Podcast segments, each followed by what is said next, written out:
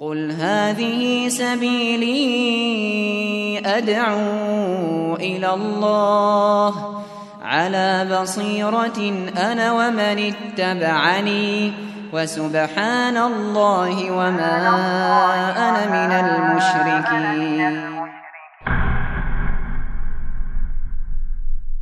Yang terakhir untuk sesi ini bab 62. Larangan banyak bersumpah. Lihat, kenapa dilarang banyak bersumpah? Ditulis di sini alasannya. Karena banyak bersumpah tanda orang yang biasa menyepelekan dan tidak mengagungkan Allah. Sedikit-sedikit sumpah, ini murah demi Allah. Pelanggan kedua datang, murah sekali demi Allah. Datang ke sampai pembeli 100, wah sumpah terus. Kalau kamu nggak percaya saya demi Allah, biar disabar petir saja. Nah, gitu katanya. Banyak bersumpah itu tanda kurang mengagungkan Allah. Terus Allah Ta'ala berfirman. Allah Ta'ala berfirman, jagalah sumpah kalian. Wahfadhu aimanakum jagalah sumpah-sumpah kalian. Termasuk sumpah di sini nazar. Kalau nazar itu kita keluarkan terucap maka wajib untuk ditunaikan. Kecuali kalau nazarnya nazar maksiat. Kalau saya lulus, saya traktir kalian semua mabuk-mabukan. Nazarnya nazar maksiat. Tidak ditunaikan. Terus yang berikutnya. Abu Hurairah radhiyallahu anhu menuturkan bahwa dirinya mendengar Rasulullah Shallallahu alaihi wasallam bersabda, "Sumpah itu dapat melariskan barang dagangan, akan tetapi dapat menghilangkan berkah usaha." Al-halifu manfaqatun lisil'ati. Sumpah itu bisa melariskan dagangan, mamhaqatun lil kasbi, namun hilang berkah. Demi Allah ini sudah 100 pelanggan datang Saya nggak beli Demi Allah Kamu ini yang duluan Ya, kamu ini yang ya tawar seperti ini saya juga sulit menerima. Pakai sumpah dulu. Banyak sumpah memang. Kalau dengar kayak gini langsung kita gimana? Iya ya betul ya. Akhirnya beli ya kan? Beli. Padahal sudah 100 pelanggan juga beli di situ. Laris dagangannya. Namun apa tadi? Kurang berkah. Karena tanda kurang pengagungan kepada Allah. Sumpah untuk yang penting-penting saja. Terus Salman menuturkan. Salman radhiyallahu anhu menuturkan bahwa Rasulullah shallallahu alaihi wasallam bersabda, tiga orang yang tidak diajak bicara dan tidak disucikan oleh Allah serta akan mendapatkan siksa yang pedih adalah orang yang telah beruban karena umurnya yang sudah tua, yang melakukan zina orang miskin yang sombong dan orang yang menjadikan Allah sebagai barang dagangannya. Lihat dulu. Yang pertama ditulis itu nomor satu. Ini dapat siksa pedih ya. Salah satu la yukallimuhumullah wa la yuzakihim wa adzabun alim. Tiga orang yang tidak diajak bicara oleh Allah, tidak disucikan oleh Allah, serta akan mendapatkan sisa yang pedih. Satu, usyaimitun zanin. Tiang sepuh kok masih senang selingkuh. Nah, itu bahasanya ya. Tiang uh, tiang sepuh namun masih seneng apa? Selingkuh. Wonten apa mboten? Kata meniki parah ya nggak mikir kalau sudah beruban. Satu itu ya. Terus lihat yang kedua. Wa'ilun mustakbirun. Sudah miskin kok sombong. Biasanya orang miskin nggak sombong sudah biasa-biasa saja. Ini namun kok miskin kok tingkah lakunya itu sombong sekali.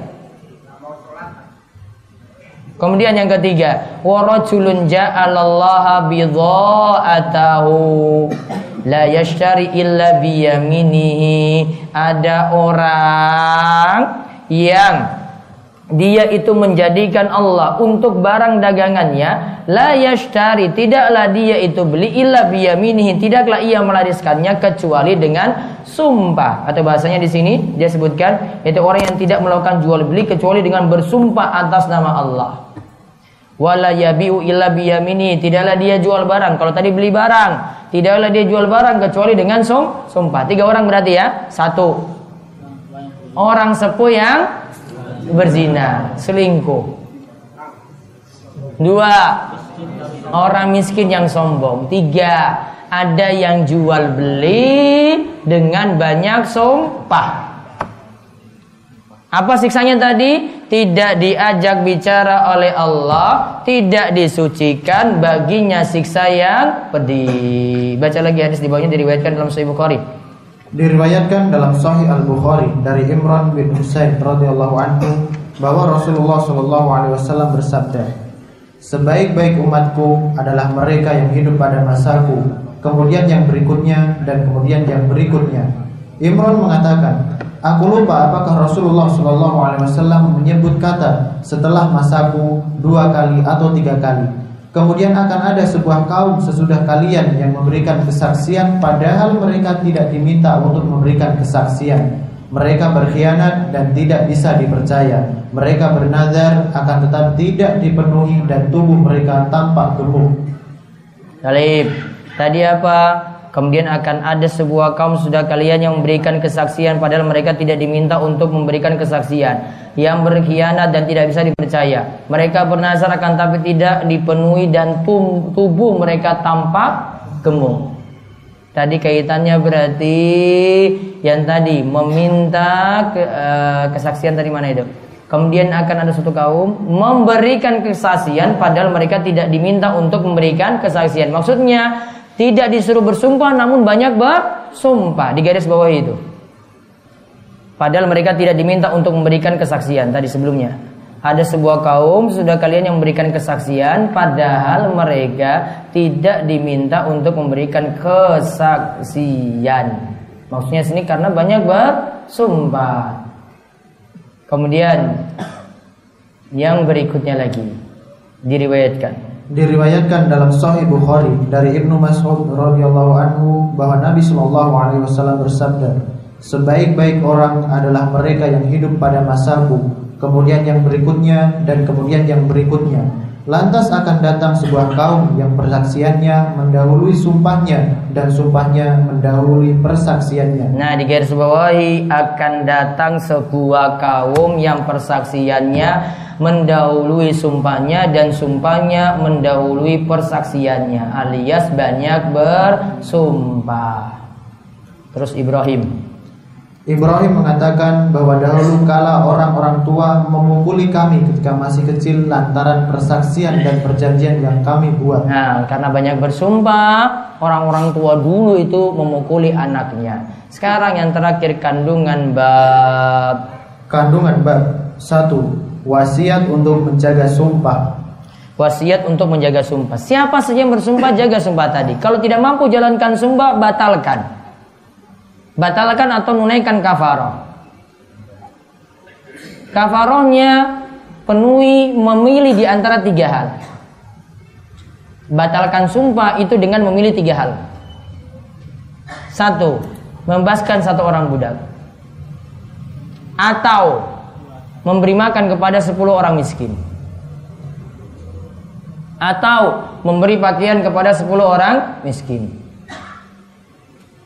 Ulang. Apa tadi? Membebaskan satu orang? Budak atau?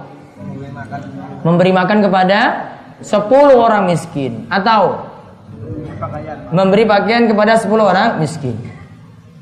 Jika tiga hal ini tidak bisa dilakukan, ya maka ditulis jika tiga ini tidak bisa, jika tiga ini tidak bisa, karena dia miskin misalnya, maka berpuasa selama tiga hari. Maka berpuasa selama tiga hari. Ulang tadi apa? Milih dulu di antara tiga. Apa saja? Membahaskan satu orang budak atau memberi makan sepuluh orang miskin atau beri pakaian sepuluh orang miskin. Jika tiga ini tidak mampu baru berpuasa tiga hari. Tidak disyaratkan berturut-turut. Mau puasa Senin, langsung kemis, lalu Senin lagi. Tiga hari tidak berturut-turut tidak apa-apa. Misalnya sumpahnya berat. Dia ingin langgar sumpah tadi. Saya bersumpah tidak akan masuk rumahmu lagi. Ternyata dia langgar ini. Demi Allah, saya tidak akan masuk rumahmu lagi. Namun nggak bisa ternyata. Dia batalkan sum, sumpah, lakukan hal tadi. Terus yang kedua. Dijelaskan bahwa sumpah bisa melariskan barang dagangan akan tetapi juga bisa menghilangkan berkah usaha. Nah, intinya banyak sumpah bisa membuat barang dagangan laris. Namun ingat, karena melakukan bentuk tidak mengagungkan Allah, dagangannya jadi tidak berkah. Tiga. Ancaman yang sangat keras terhadap orang yang selalu melakukan jual beli dengan bersumpah atas nama Allah. Nah, ancaman yang sangat keras terhadap orang yang selalu melakukan jual beli dengan bersumpah atas nama Allah. Empat. Perlu diperhatikan bahwa dosa dapat menjadi besar walaupun faktor pendorongnya hanya kecil. Apa tadi? Dosa bisa menjadi besar. Walaupun faktor pendorongnya kecil. Tiang sepuh. Faktornya besar nggak di situ? Hmm, masratnya kurang kan? Namun kok masih punya keinginan besar untuk selingkuh? Dosanya tambah besar. Karena faktor pendorongnya apa? Kecil. Kok orang miskin, sombong, nggak punya apa-apa. Faktor pendorong untuk sombong besar atau kecil? Kecil. Namun sombong. Iya kan? Iya. Tadi tiang 10 untuk berzina kan peluangnya sebenarnya kecil, namun tetap masih mau nekat. Hah? Ini masalah. Hukumannya jadi besar. Itu di garis bawah itu nomor 4 itu penting sekali ini. Maka kalau ada faktor pendorong itu kecil, kok ada yang nekat, jadi dosa besar.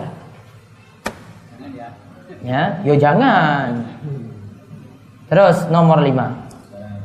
Celaan bagi orang yang memberikan sumpah tanpa diminta untuk melakukannya. Celaan bagi orang yang memberikan sumpah tanpa diminta untuk melakukannya. Karena ini tanda dia banyak bersumpah, kurang mengagungkan Allah. Yang keenam, Rasulullah Shallallahu Alaihi Wasallam memuji tiga atau empat kurun generasi awal lantas beliau menyebutkan kasus yang akan terjadi setelah kurun-kurun tersebut. tiga generasi awal atau empat itu terbaik, masih lebih baik daripada generasi belakangan ini. Jadi zaman sana itu lebih baik. Jadi nggak boleh ada yang beralasan gini. Nih sering ini saya dengar dari ibu-ibu ya. Kalau disuruh sholat di rumah, ya jangan alasannya dulu disuruh sholat di rumah karena zaman dulu lebih bahaya. Tadi disuruh apa tadi? Ya, di sini katakan apa? Khairun nasi korni, summal ladzina yalunahum, summal ladzina yalunahum. Generasi terbaik itu zamannya Rasul. Bukan zaman ini. Berarti zaman ini lebih rusak. Maka lebih afdol zaman ini sholat di rumah bagi ibu-ibu. Lebih afdol sekali. Ya, lebih afdol sekali zaman ini. Kenapa? Generasi terbaik saja seperti itu dulunya itu loh, dulunya. Mana yang lebih rusak kira-kira? Buktinya nyata gimana? Mana yang lebih rusak? Banyak selingkuh di zaman mana? Zaman Rasul apa zaman ini? Nah, sudah berarti selesai. Tahu kan? Nah.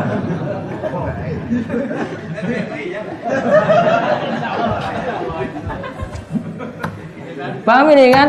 Zaman ini tandanya kayak gitu saja. Selingkuh lebih banyak sini. Dulu kasus selingkuh satu dua.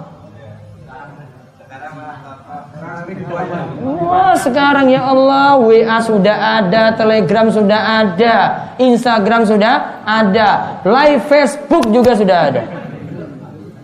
Mungkin nanti suatu zaman itu akan muncul live Facebook itu zina langsung live online. Karena Facebook bisa live. Pernah dengar kasus bunuh diri live nggak? Nah, itu belum zina live loh itu. Tunggu suatu zaman nanti. Mudah-mudahan nggak di Gunung Kidul. Buaya sekali. Maka Nabi SAW pernah menyebutkan suatu zaman nanti kita akan bertemu zina itu di jalan-jalan. Ini masanya Facebook nanti sebentar lagi ini. Bisa nonton live. Bukan record loh ini, live. Nih, alhamdulillah syukuri HP naik lawas.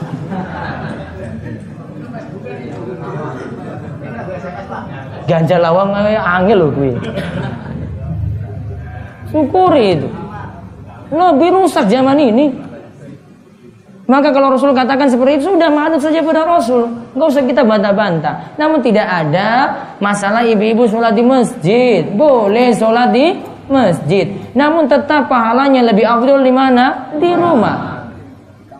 Yang dimaksud berarti siapa? Bapak-bapak. Suruh bapak keluar. Jangan jadi ibu-ibu muslimah di rumah. Apa mau jadi bapak-bapak muslimah? Hmm, lagi ruko. Terus yang ketujuh. Celaan bagi orang yang memberikan kesaksian tanpa diminta untuk melakukannya. Celaan bagi orang yang memberikan kesaksian tanpa diminta untuk melakukannya. Terus yang terakhir. Para salaf memukul anak-anak lantaran persaksian dan perjanjian yang mereka buat. Nah, karena disebabkan dia kurang mengagungkan Allah dengan banyak bersumpah, para salaf biasanya memukul anak-anaknya dalam rangka didik. Bukan pukulannya pukulan Mike Tyson, bukan. Pukulannya apa? Mendidik. Tidak boleh ada bukas. Ya mungkin dengan dicubit saya sudah sadar anak seperti itu. Wallahu a'lam. Sisa bab 63, 64, 65, 66, 67. 5 bab lagi insya Allah dari jam 1 kita rampungkan di Bismillah. Baik, kita tutup dulu dengan doa kafaratul majelis. Subhanakallahumma bihamdika asyhadu an la ilaha illa anta astaghfiruka wa atubu ilaik. Assalamualaikum warahmatullahi wabarakatuh.